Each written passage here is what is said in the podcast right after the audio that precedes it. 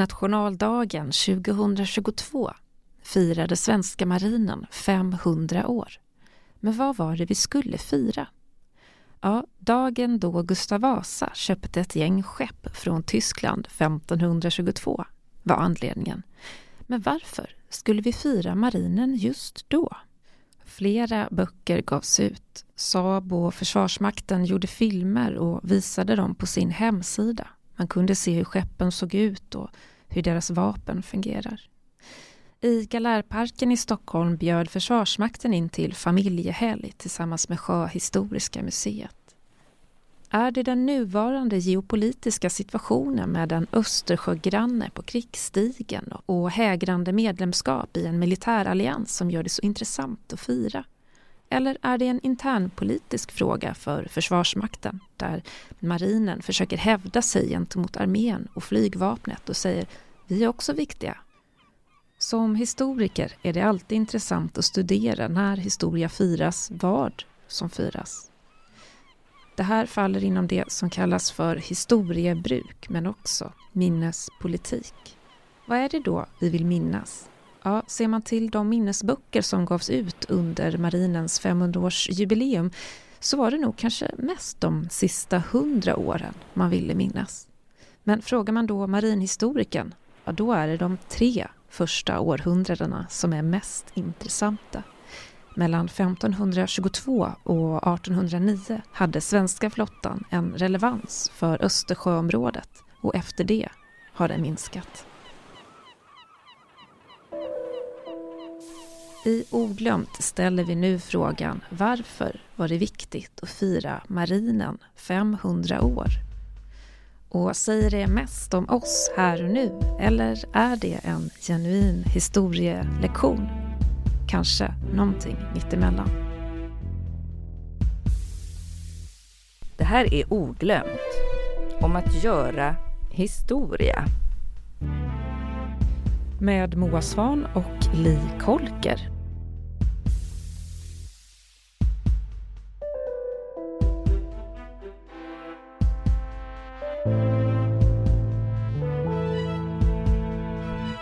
Ja, 2022, alltså förra året då, så firade marinen, Försvarsmakten 500 år. Och då har ju vi funderat mycket på vad är det som de firade och varför. Mm. Um, så det kommer vi prata om nu och uh, du var ju också där då när de hade sin, sitt firande i Galärparken uh, ja. för nästan exakt ett år sedan nu. Ja precis. Ja, och upplevde uh. det liksom i när, närkontakt. Ja, mm. ja men det gjorde jag. Och jag var ju mest intresserad av liksom båtar för att jag gillar båtar. Mm. Eh, så att du såg att ja, men, Sjöfartsmuseet har liksom utställningar, man får kolla på deras gamla militärskepp. Eh, det var så här jippo på Djurgården i Stockholm, ni vet det är liksom Junibacken, eh, Skansen, mm. eh, Nordiska museet. Så glass, barn, familjer och ja, men, verkligen jippostället, mm. number one skulle jag säga. I alla fall dagtid på sommaren. Eh, så det här var precis innan liksom, nationaldagen. Eh, det pågick också en stor militärövning i Sverige så att mitt i centrala Stockholm så låg det också en sån enorm militärfartyg eh, från USA typ. Mm, jag ihåg det. Mm. Mm. Och eh, kriget i Ukraina hade ju liksom precis inletts bara några månader tidigare. Eh, så då var jag där med två kompisar mm. för att gå på det här jippot. Eh, och var väldigt sådär, gud vad kan det här vara? Fast också lite skeptisk får jag väl ändå säga eftersom att mm. eh, jag också var lite så här, men varför ska Försvarsmakten ha en så familjedag eh, i samband med nationaldagen. Liksom. Alltså, jag tänker på Sverige som ett fredligt land. Mm. Liksom. Så att även om man då hade börjat diskutera NATO och man hade diskuterat liksom att man ska skicka militära hjälpmedel till Ukraina så är det inte riktigt den här stora mobiliseringen ändå som har pågått att alla säger jag gör värnplikt och Nej. den krigsburmen finns ju inte riktigt. Nej. Så där kände jag verkligen att det här är ett klassiskt fall egentligen av historiebruk, det vill säga man använder historien för att liksom visa på någonting, man vill berätta någonting. Samtidigt som det också ändå låg ett museum eh, som var med på detta. Eh, det gavs ut eh, böcker från eh, liksom riktiga historiska bokförlag. Mm. och även liksom forskningsantologier och så. Så det fanns ju också en seriös sida av det här som känns liksom, vad ska man säga, genuin. Ehm, men eh, man kunde ju liksom stå i planka och man kunde liksom hoppa någon slags hinderbana. Eh, man fick ta liksom så roliga bilder när man liksom kunde vara en sån stor dykarhjälm mm. typ. Eh, så kunde man liksom plåta sig själv. Selfiestation. Ja, ja selfiestation mm. och man fick liksom ärtsoppa i små så pappkoppar. Så här, mm. Det här äter vi också till sjöss och det gjorde man även förr. Så lite så här vagt historiskt och sen var det liksom några, eh, vad ska man kalla, liksom så här skärmar, ni vet roll-ups. Mm. Typ. Där det var som en tidslinje, så här, eh, 1500-tal, 1600-tal och så vidare. Eh, där det liksom också mycket, mycket kungar, eh, väldigt lite krig, några slag kanske. Och då kände jag så här, ja men vad är det vi firar här mm. Egentligen? Mm. Och varför har vi liksom krigsmateriel, nytt krigsmateriel på utställning med lite godis bredvid samtidigt som vi gör den här historiska kopplingen. Ja, det kändes väldigt speciellt mm. tyckte jag. Mm. Så att i sann forskaranda så har vi också lagt då ett helt år på att liksom eh, gå till botten med det här och vi har också fått tag på en av de historikerna som faktiskt var med mm. och skrev i, eh, i den, här, ja, men, den här antologin då Eh, som är forskningsbaserad och sen också eh, våran vän Henrik Arnstad som är historiker som man känner till om man lyssnar på våran podd. Men vad är din liksom association och kände du liksom det här splittrade som jag gjorde? Att det kändes oh, kul och lite ah, Ja, alltså faktum är, om jag ska erkänna då och vara ärlig, att det där gick lite un, liksom under min radar just det där tillfället. Och det kanske handlar om att jag inte är så intresserad av båtar. Så att jag missade lite det där. Men, eh, men eh, när jag då har funderat på det efterhand och, och, pratat både med Henrik och med vår andra gäst då, som ni snart kommer föra mm. och med dig eh, så eh, inser jag ju att jag har ju också en relation till havet mm. eh, och till sjöfarten och till Ja, alla gillar, alla gillar, alla gillar vi sjön. Ja. Jo men faktiskt, och det kommer vi höra mer om också i det här avsnittet om liksom svenskens då inom citationstecken relation till, till havet. Eh, och det har ju jag också. Jag har ju vuxit upp i skärgården. Ja, men det var det. Eh, ja, på somrarna som barn. Eh, och min morfar han var liksom en sån där skärgårdsgubbe. Mm. Som också hade vuxit upp i skärgården. Eh, och när jag tänker på skärgården, då tänker jag ju på honom där han sitter liksom och, i fiskebåten och, och sådär. Eh, och eh, det är klart att jag romantiserar eh, den, det, liksom mm. med skärgården och med havet och, eh, och sådär. Och att det också finns någonting, eh, ja det finns något dramatiskt där och det äventyret och så. Så att jag kan liksom förstå att marinen eh, också vill göra det lite mm. granna. Eh, när de kan. Eh, och sen så det här liksom jubileet då, det hade jag också gått mig helt förbi. Men jag är inte historiker så jag håller inte koll på datum på det sättet. Men liksom 1523, Gustav Vasa köper några båtar. Hmm, Okej, okay. är det ett jubileum? I don't know. Men eh, det jag förstår att de ändå griper efter liksom det strået då, för att kunna göra någonting. Eh, men att det man egentligen spelar på, ja men det är ju min och många andras eh, lite romantiska, lite nostalgiska relation till havet och skärgården och segling och eh, liksom sådär. Så att visst, eh, jag kan förstå det. Men jag var inte där. Nej, du var inte där. Mm, jag var inte där. Ja, men det kan man ju vara glad för så mm. efterhand. Mm, eh, men ska vi börja då med att lyssna på den intervjun som vi gjorde med eh, Henrik Arnstad, Eh, historiker. Så då har vi frågat honom, eh, 500 år marinen, vad är det vi firar och handlar det verkligen om nu eller då? Men det som jag undrar är ju då, eh, Sjöhistoriska museet firar ju marinen 500 år och också Försvarsmakten. Vad är det man firar egentligen? Ja, man, man, man uppmärksammar den militaristiska nutid vi lever i med NATO-anslutningen och eh, den krigiska retorik som återupptar krigisk retorik från början av 1900-talet som gick ut på att man kan inte lösa allvarliga internationella problem utan militärt våld. Att militärt våld är, är lösningen. Eh, och det här var ju någonting som helt och hållet försvann 1945 kan man säga. När man då instiftade FN istället och man hade liksom en tanke om att nationella konflikter skulle lösas via förhandlingar och så vidare. Och där man liksom pekade på att genom att liksom eh, give or take och man kan liksom man kan prata om saker och ting helt enkelt. Eh, och idag har vi då lämnat den världen och därmed så blir det sådana konstiga jubileer som Svenska flottan 500 år. För att Svenska flottan fyller egentligen inte 500 år. Det är liksom man har hittat på någonting det här att, att en svensk kung åkte och köpte ett par lördagsskepp i, i juni 1522 liksom. svenska staten hade funnits innan dess och svenska staten hade haft örlogsskepp innan dess. Alltså, om, man, om man säger att svenska staten formeras runt, ja, på 1300-talet, Magnus Erikssons landslag och sånt där.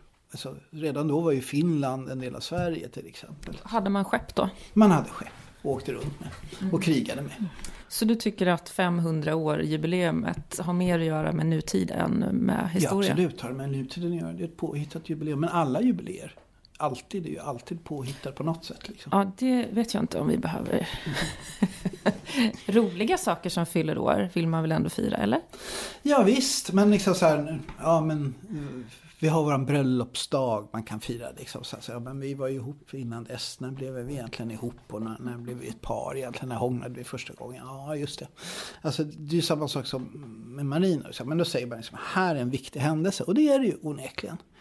Alltså Sverige skaffar den här eh, professionella eh, specialiserade örlogsflottan 1522. Det, ja, det, det stämmer. Liksom. Så att om marinen vill fira det som 500 år så ja, visst. Men det intressanta är ju liksom varför hittar man på det jubileet just nu 2022 när Sverige går med i NATO och överhuvudtaget alla den här krigsretoriken som överallt. Alltså Putin är ju en del av samma globala retorik. Liksom, att man ska kriga, för det är så man får resultat. Mm. Ja, men alltså det speciella var att jag var där med, med två kompisar och eh, pekade ut det här. Liksom, att så här, kolla, de har fått alla att stå och göra plankan eller armhävningar eller vad tusan det är. Och jag var lite så här, vad, hur, hur kommer det sig att alla människor går efter det? Det vi gjorde var att tog lite så skojiga eh, selfies med någon slags gammal dykarhjälm. Och sen så efteråt så var det som att eh, en av mina kompisar hon bara, ja fast alltså jag är rätt bra på plankan alltså. Jag borde ha gjort det. Jag bara, varför då? Men gjorde du plankan då? Nej, för tusan. Är du bra på plankan? Nej, nej, men jag skiter i det. Och jag är lite så här, varför ska jag stå här och liksom som ett jävla utegym? Alltså om jag vill träna kan jag väl gå till ett gym. Varför ska man visa upp sig i mitten? Det var ju också i mitten av deras... Du ska visa din maskulinitet och din virilitet för att kunna vara en stridande soldat. Jo, men att det lockar mer Och det är också än liksom, det här med liksom... liksom, den överlägsna svensken som, ja vi har inte samma resurser som ryssarna. Det är det ju alltid. Men vi Liksom. kan stå Det är så i här, Men vi kan stå i plankan längre än en ryss liksom. Eller som det sägs i Finland att en finsk soldat är lika god som tio ryssar. Nå, men vad gör vi när den elfte kommer, säger man då. Men, ja. Maskulin, överlägsen maskulinitet. Men det är väl fanta ett fantastiskt resultat, tänker jag, för den här eh, utställningen då, eller liksom eh, marknaden, om man ska säga, att de lyckats eh, rekrytera då din Eh, kompis, i princip. Eh, genom det här. Alltså om man tänker på då vad vi pratar om vad historia är och vad vi ska ha det till och så. Och vad ett jubileum är, jo men det handlar ju om att ena och att liksom eh, entusiasmera en befolkning eh, för någonting som man kanske i själva verket inte alls bryr sig om eller känner till eller sådär. Men eh, det var ju väldigt effektivt då. Och så ska man stå i plankan och, och på fem marinen 500 år. Och så, så, mitt, mitt flöde fylls av kom Facebook-vänner som har gått med i hemvärnet till exempel. Mm. Det är liksom, ja, då ska du springa runt i Tyresö reservatet med en, med en automatkarbin och liksom förbereder för att ryssen kommer. Alltså vi lever i en fullständigt sinnesrubbad tid. Mm. Men samtidigt så jag kan tycka att det är lite ondskefullt. Jag får lite så här Krösus-känsla. Eh, därför att på Galärvarvet, den här utställningen var, bredvid ligger ju liksom Gröna Lund. Så hade vi varit på Gröna Lund hade vi också tagit godis och tagit roliga fotografier. Eh, och liksom utmanat varandra på det här. Jag tycker liksom... Jag tycker att det är lite ondskefullt att visa vapen och bjuda på godis. Det känns ganska 1914 alltihopa. Alltså precis innan första världskriget när, när Europa hade byggt upp de här allianserna så kors och tvärs. Och folk liksom så, såg krig som någon sorts Nöje liksom sådär. Och, och äntligen ska få visa vår mask maskulinitet på slagfältet liksom. Och, och eh, ja, så åker man till Galärvarvet och äter godis och står i plankan. Alltså det, det här är, det är lätt att fnissa lite grann åt det men det här är väldigt farlig utveckling. Det, det här, alltså världen har aldrig blivit bättre av militarism. Så kan man väl säga. Då har vi lyssnat på Henrik Arnstad, historiker och vi pratar om marinens 500-årsjubileum från 2002. Eh, och sen har vi också träffat en av forskarna då som var med och förberedde det här jubileet mm. och skrev eh, vad man ändå får säga relevant forskning. Så även om man har jag vet inte, inte, inte sådär intresserad av liksom, vapen och eh, nationalism eh, så, eh, så tycker jag att han har ganska mycket att, att, säga som, som man tycker är intressant. Men det är intressant att få den här eh, historielektionen helt enkelt, tänker jag också. Vad hände egentligen eh, i sjöfarten de senaste 500 åren? Mm. Och det har ju vår eh, eh, nästa gäst då, Leos Müller, eh, jobbat med.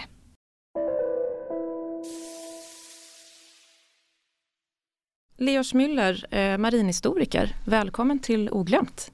Tack så mycket. Tack för att jag fick vara med. Och det är så roligt att prata med dig. Vi har ju förstått att det här uh, jubileet som fångade min uppmärksamhet förra året eftersom att jag gillar båtar. Eh, du var också med och eh, arbetade inför det här jubileet. Vill du berätta vad, vad din medverkan handlar om? Alltså, jag har medverkat egentligen inte så där jättemycket vid själva firandet uh, uh, i Stockholm till exempel på Sjöhistoriska museet. Däremot så har jag varit med uh, Eh, att eh, ja, arbeta med de här vetenskapliga publikationerna. Det finns eh, ett samfund, Sjöhistoriska samfundet heter det, som har under massa år, flera decennier faktiskt jobbat med maritim historia och marinhistoria som, som sin objekt. Och, liksom, jubileet har uppmärksammats och firats genom att vi har gjort ganska, ja, liksom vi har publicerat ett antal böcker jo, i, i samband med detta. Och uh, det var nog det viktigaste. Ja, för att uh, vara med och försöka uh, städja den här utgivningen. Och det tycker jag också är en sak som är positivt med jubileerna. Att det finns ett starkt skäl att att uh, liksom främja forskning ja, om till exempel marinen. Sen själva året uh, 1522 tycker jag inte spelar så viktig roll i just de publikationerna. Alltså det är klart att det är viktigt år eh, för att som sagt då fick Sverige, eh, eller snarare Gustav Vasa fick de här, de här första fartygen från Lübeck. Eh, men själva faktum är det inte jätteviktigt för flottans långa historia. Och då menar vi de här 300 åren som, som är så som är centrala för Sveriges existens som stormakt. Ja. Uh, så att uh, ja, det var helt enkelt, jag tycker att den forskning som publicerats i jubileets namn är mycket intressant och relevant. Ja. Det skulle jag nog säga. Framförallt två saker, två böcker skulle jag gärna lyfta fram. Eh, det att eh, vi gjorde, alltså Tjejhistoriska, Tjejhistoriska samfundet, har stöttat uh, arbete med någonting som heter alltså Sjömakt och sjöfolk. Eh, en bok som har skrivits av eh, uh, Anna-Sara Hammar och uh, Lars Eriksson Wolke. Ja. Och det här är egentligen den första riktiga vetenskapligt skrivna historiken över marinen och örlogsflottan sedan 1945. Så det har gått ganska många år. Och man tycker att det finns ett stort intresse för krigshistoria och såklart också för sjöfartens eller örlogsflottans historia. Men så det har också publicerats väldigt många böcker, men de ofta upprepar liksom det som, det som finns till exempel i den här stora ja, historikern alltså, från 1945. Mm. Alla vi liksom historieintresserade, vi som poddar, polismuseer mm. och så vidare, vi är lite beroende av att ni som forskar jobbar på och mm. förser oss med, med nya rön och eh, annars blir det ju lätt den här liksom rundgången att man harvar det som redan har Precis, ja. forskats om mm. på något vis. Men eh, den här andra boken då som du nämnde, vilken var det? Alltså det är egentligen uh, det är, ja, det är årsboken, Sjöhistoriska samfundets årsbok som har gjorts speciellt för, uh, för det här jubileet. Och uh, vår årsbok heter Forum Navale. och just i den här årsboken så har vi helt enkelt publicerat en serie av artiklar som på ett eller annat sätt förhåller sig till örlogsflottans historia. Men om jag minns rätt så ingen av dem faktiskt berör specifikt 1522. Utan de berör helt enkelt andra aspekter av örlogsflottans historia. Och de lyfter fram ny forskning. Mm.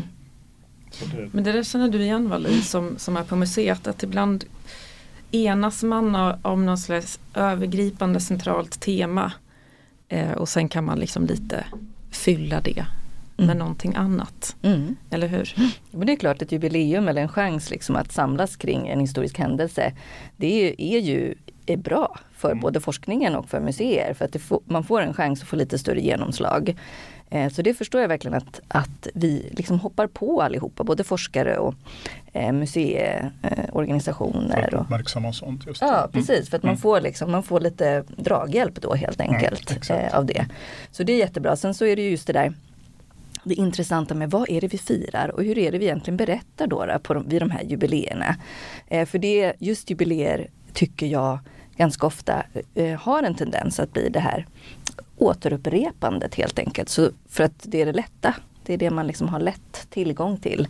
Gamla, gammal historia eller gamla historier. Det är också väldigt intressant med den här eh, typen av minnespolitik, alltså när man ger ut eh, böcker och anordnar föreläsningar, museerna uppmärksammar det.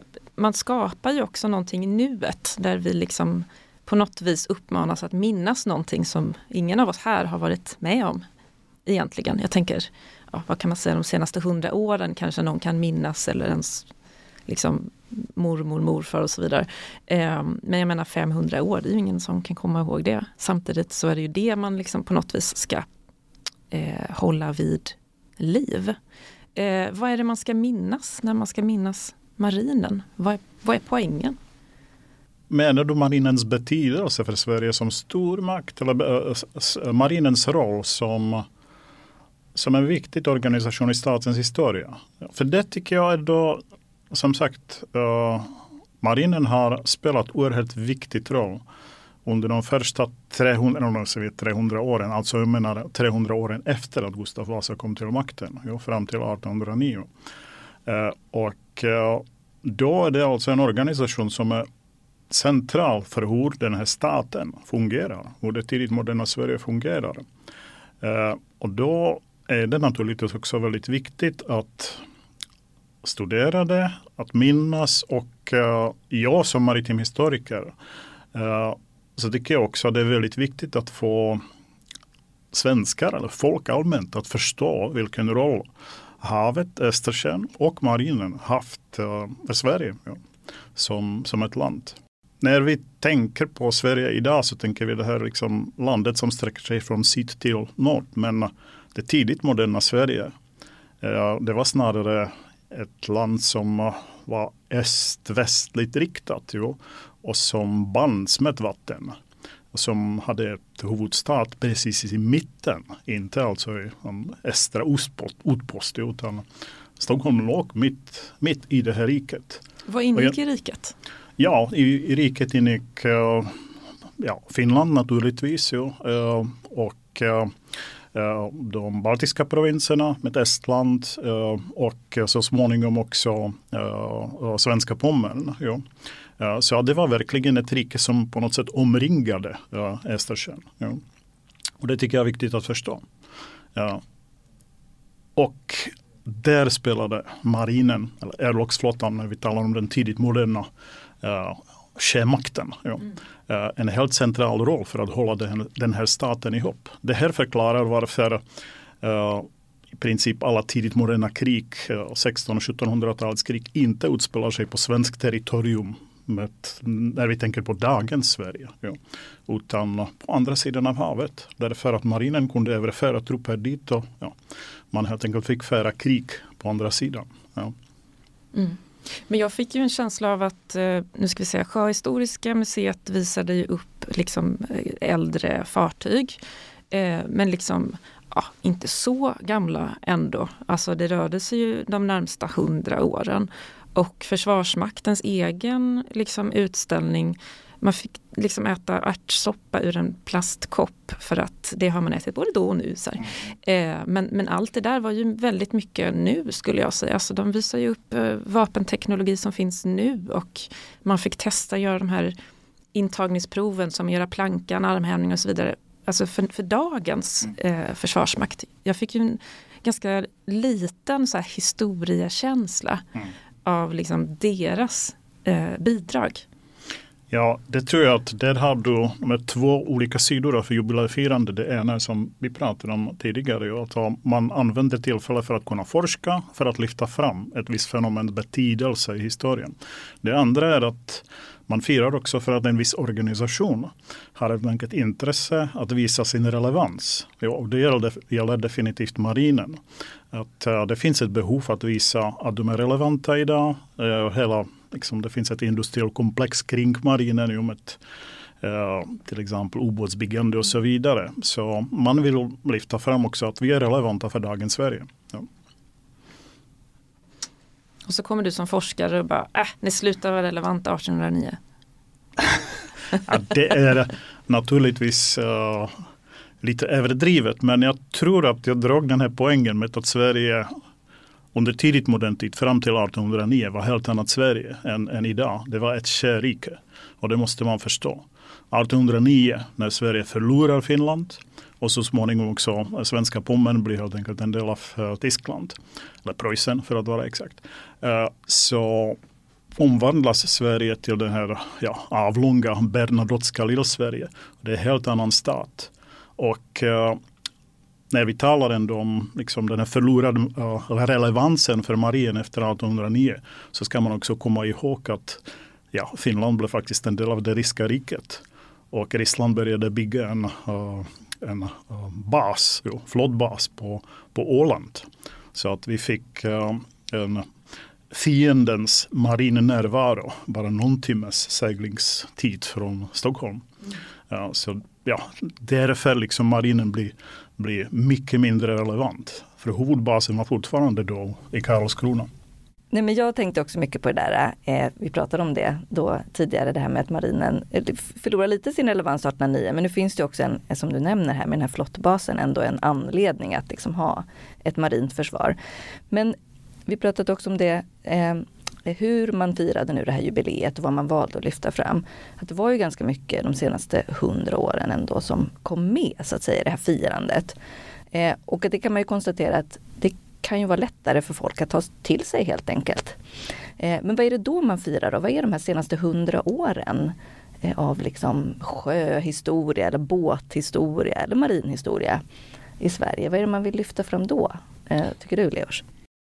Ja, det är den moderna eh, marinens roll och det kan man inte heller underskatta. Ja, ehm, det är klart att eh, marinen spelat väldigt viktig roll både under första och andra världskriget när det gäller skydd eh, och såklart också under kalla kriget.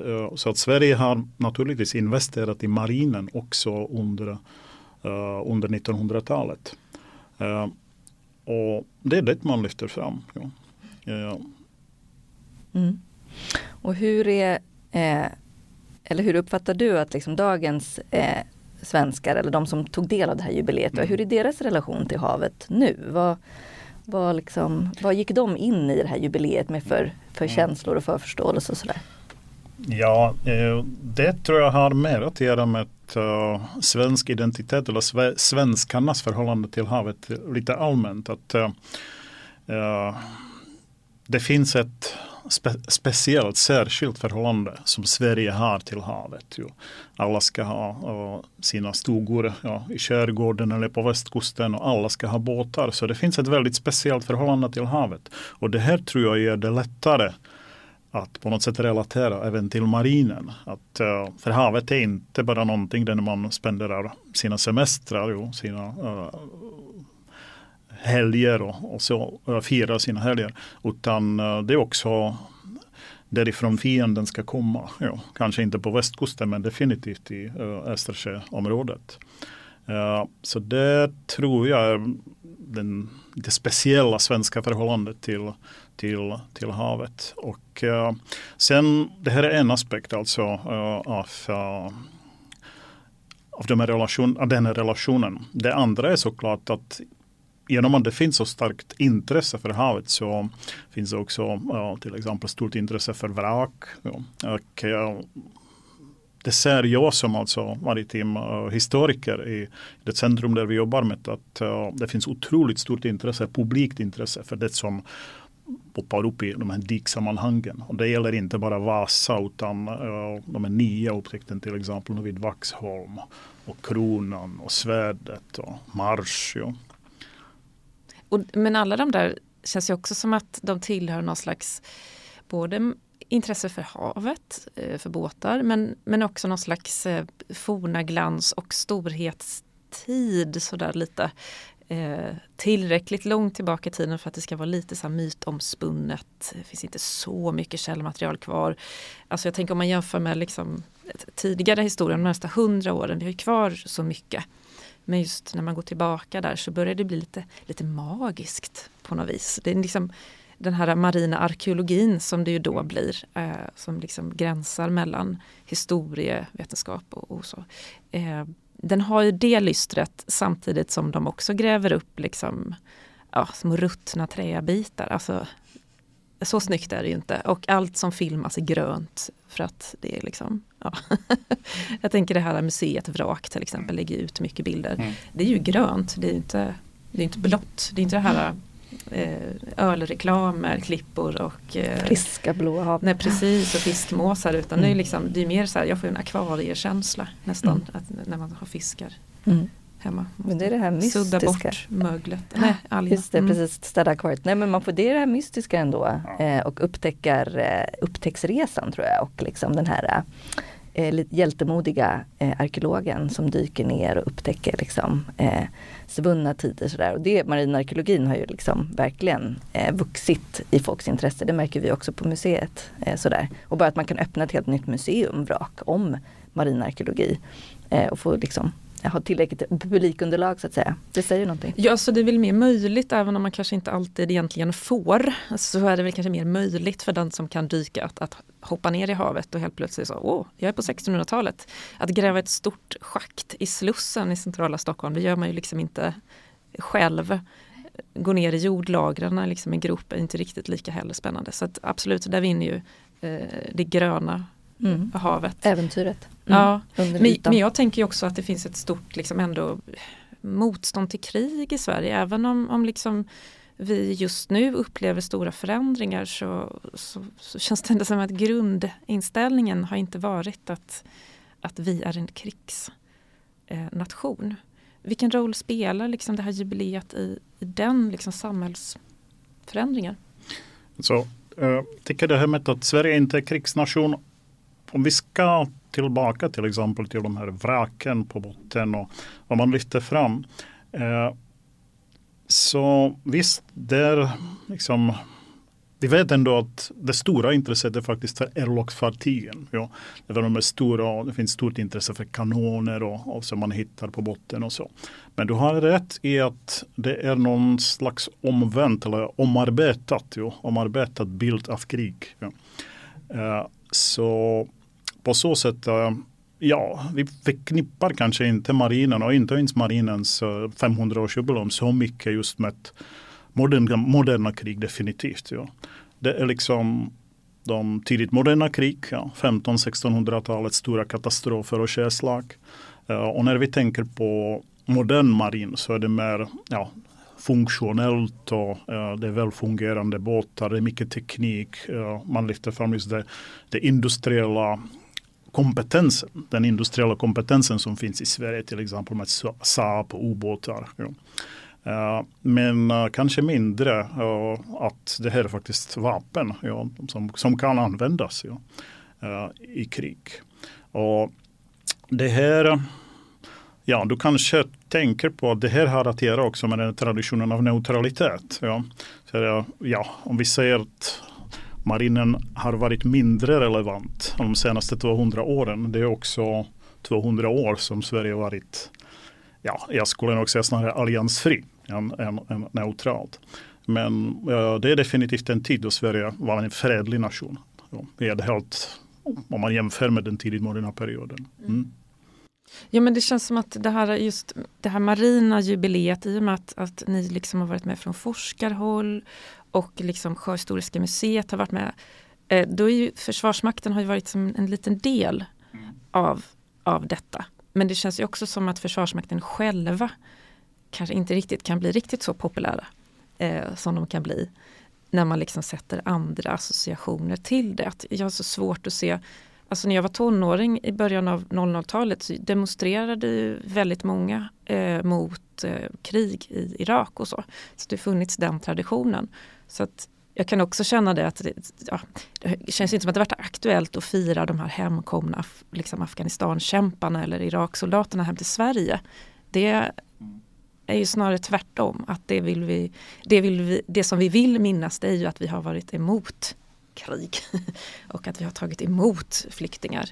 Sen skulle mm. inte jag säga att, att det är så att vi har eh, den här kulturen av liksom, eh, att man trycker undan sig, vi får inte prata om det utan mera vad, vad man liksom vill vad man vill fira helt enkelt. Alltså, eh, som sagt, när man tänker just på det 500-årsfirandet av uh, marinen så det är ändå väldigt mycket faktiskt Försvarsmakten och mar marinen som vill fira det. Och de gör det just för att visa sin relevans idag. Och då är det kanske mot uh, den här, ja, ska vi säga, föreställningen om eh, uh, fredlig nation och uh, att, den föreställningen att Sverige inte behöver en marin. Ja. Ungefär så. Så man vill lyfta fram relevansen och, och den lyfter man just genom att säga ja men titta under 500 år har vi faktiskt behövt uh, sjömakt jo, för att hålla oss mot, uh, mot andra. Uh, så där skulle jag nog lyfta fram uh, framförallt uh, Försvarsmakten och marinens intresse och kanske mindre något slags av allmänt intresse för att fira, fira just marinen. Jag som historiker tycker såklart att det, det är bra att fira det just därför att det ger oss tillfälle eh, att forska, att få att publicera och liksom få ut våra resultat och, och få dem uppmärksammade. Ja. Men jag tror inte att det finns någonstans av jättestort allmänt intresse för att specifikt fira marinen. Ja. Det är Försvarsmakten och kanske vi som är mer beredda på museisidan eller i forskningsvärlden. Mm.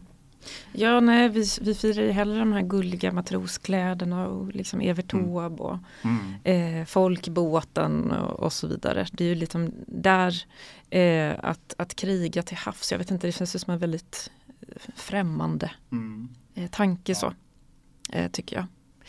Ehm, men eh, om man då får fråga varför ehm, firar vi då marinen och inte armén eller flygvapnet? Mm. Nu har vi också upptäckt att det här 500-årsjubileet för marinen var så populärt att det förmodligen kommer bli fler. Eller hur Li? Just det, precis. Jag såg en, en ehm, hemsida om det igår om att armén ju firar 500 år i år med en eh, stor eh, jubileumsdag ute på Gärdet här i slutet på maj. Och då kan man få gå dit och så är det många happenings. Man får träffa karoliner eh, soldater då, har de lovat, från 1700-talet. Och så kan man också få träffa soldater ur dagens armé eh, där ute och så skulle det hända massa roliga saker. Så att nu är det liksom arméns tur och då är det också, det här jubileet är också kopplat då till en händelse kring Gustav Vasa eh, förstås. Eh, för att kunna fira 500 år då, så tänker jag att det måste väl vara Gustav Vasa. Mm. Eh, Men den, då, de har kanske deras årtal där, Leos, vad tycker du om det? Det känns inte, även om Gustav Vasa-marinen inte var klockrent att han köpte en massa skepp så känns ju kanske arméns eh, år, årval lite mer taget i luften, eller? Ja, det känns så. Att, uh, jag förstod ja, inte alls själv. Ja, Någon ja, lämnade över en nyckel och det var typ början på institutionen som sen blev armén. Det var ganska... Det var lite oklart. Nej, om, man, om man tänker på armén så tycker jag att svenska armén har betydligt uh, den har funnits betydligt längre än bara från 1523. Mm. Uh, och som historiker ja, inte, bara en, ja, inte bara jag, jag tror att alla, nog, alla historiker skulle nog uh, säga att nej men det här funkar inte riktigt. Så de kanske inte får med, får med sig lika många den här gången. Det får vi väl se i efterhand då hur många som eh, bidrog. Ja. ja. det är lättare nu ett år senare, mm. 500-årsjubileet för marinen. Och se. Nej, jag tycker också det kan bli intressant om det blir några historiker som hoppar på tåget. Jo. För att, som sagt från uh, när det gäller marinen så var, var det ändå ganska stort uh, forskningsintresse att hoppa mm. på tåget och fira det här med med det som vi gjorde. Det, det blir intressant att se. Om det, uh, nej, jag har inte hört någonting om uh, att uh, och det har ändå, nej, jag, har, jag har inte hört att några militärhistoriker skulle, eller krigshistoriker skulle vara särskilt intresserade. Eller, Men kommer vi kunna se fler 500-årsjubileer? Jag tänker Gustav Vasa är ju så sjukt poppis och eh, liksom, man skulle kunna fira nästan varje år tills Gustav Vasa dog säkert, eh, alla möjliga grejer. Ja, jag tror att åtminstone till 1527 så kommer det firas och firas och firas. Ja. Svenska Ja, ja. skogsbruket, 500 år. Eh, svenska, jag vet inte, det går att hitta på säkert jättemycket. Började med blodbadet ja, 1520 och så har vi den här sjuårsperioden alltså när makten, den svenska makten liksom etableras som en Ja men blodbadet tänker Ja. jag också en sån här eh, händelse som är väldigt viktig eh, för många. Mm. Eh, Idag ja. Ja, Mm. den liksom kvalar lite in där på så här, intresse för andra världskriget, intresse för för mig då liksom ett ganska maskulint kodat intresse som givetvis kan angå alla men det känns som att den är också central hos många. Mm. Man måste känna till eh, blodbadet. Mm. Det är upprörande att dagens ungdom inte vet någonting om det. Så tänker man, vadå, de kan ju googla. Mm. Kan du förstås göra. Mm. Vad säger Jag du? läste faktiskt nyligen om att man planerar att göra en stor film om det. Mhm. Åh, det Ja, låter stor festligt. film och blodbad. Det har ju gjorts kanske Game of Thrones men man vill kanske då få in ytterligare sån, eller hur? Det finns Mm. ju ändå mycket fantasy som inspirerat lite så här halvmedeltid-ish. Precis. Men just Eh. nu, det går ju jättebra att gifta historia med fiktion just nu. Det är ju liksom väldigt framgångsrikt. Så det Ja, blir man glad då, eh, Leos, som historiker, när det liksom blir mer poppis på tv och filmer och så, eller blir man mer kära, de gör ju fel. Det är en väldigt svår fråga. Jag kan säga att jag har jag kan inte riktigt se de här serierna just för att jag tycker att allting är fel. Samtidigt så tycker jag det är ganska cool att det ökar intresse för historia. Vi kanske får fler studenter och så kan man berätta för dem vad som är fel. Nej, men jag tänker lite på det här just eftersom vi nu har konstaterat och upptäckt precis att armén firar i år. Eh, och när det var eh, förra året eh, och i höstas eh, och vi pratade om det här Ehm, eh, med marinens jubileum förra året så pratade vi just om att säga, nej men det är ju lättare att fira marinens eh, historia, ett jubileum om det, för den är liksom lite mer ofarlig kanske. Och som svensk idag så kanske man inte förknippar det så mycket med, med faktisk, eh, faktiskt krig och katastrof utan lite mera med liksom käcka gossar i sjömanskostym och sådär. Eh, men nu firar ju armén i år. Ehm, och då tänker jag, vad, vad tror du Leos, vad har det, hur har det att göra med eh, liksom situationen i, i världen och Sverige idag jämfört med för ett år sedan bara? Ja, det är en ganska svår fråga för jag tycker att när marinen firades, alltså förra året, så själva firandet har förberetts under ganska många år. Ja, vi har planerat till exempel de här projekten kring utgivningarna för sjömakt och sjöfolk. De pågick under flera år, så det var långt innan Ukraina-kriget och så. Så det fanns inte någon riktigt koppling till den politiska situationen, den internationella situationen. Eh, och jag tror just när det gäller jubileumsfirandet att det är den här kopplingen till samtiden egentligen svagare.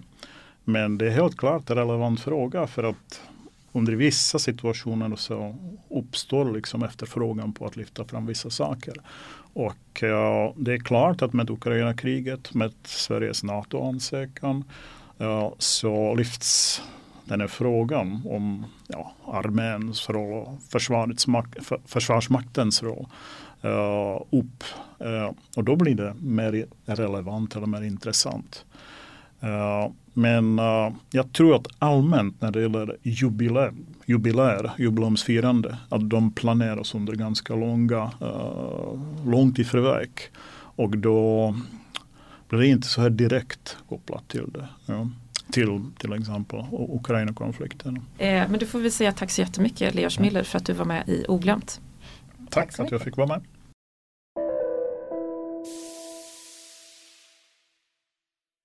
Ja, då har vi hört vårat samtal med Leos Müller, marinhistoriker från Stockholms universitet och innan det så pratade vi med Henrik Arnstad från Södertörns högskola. Även han historiker.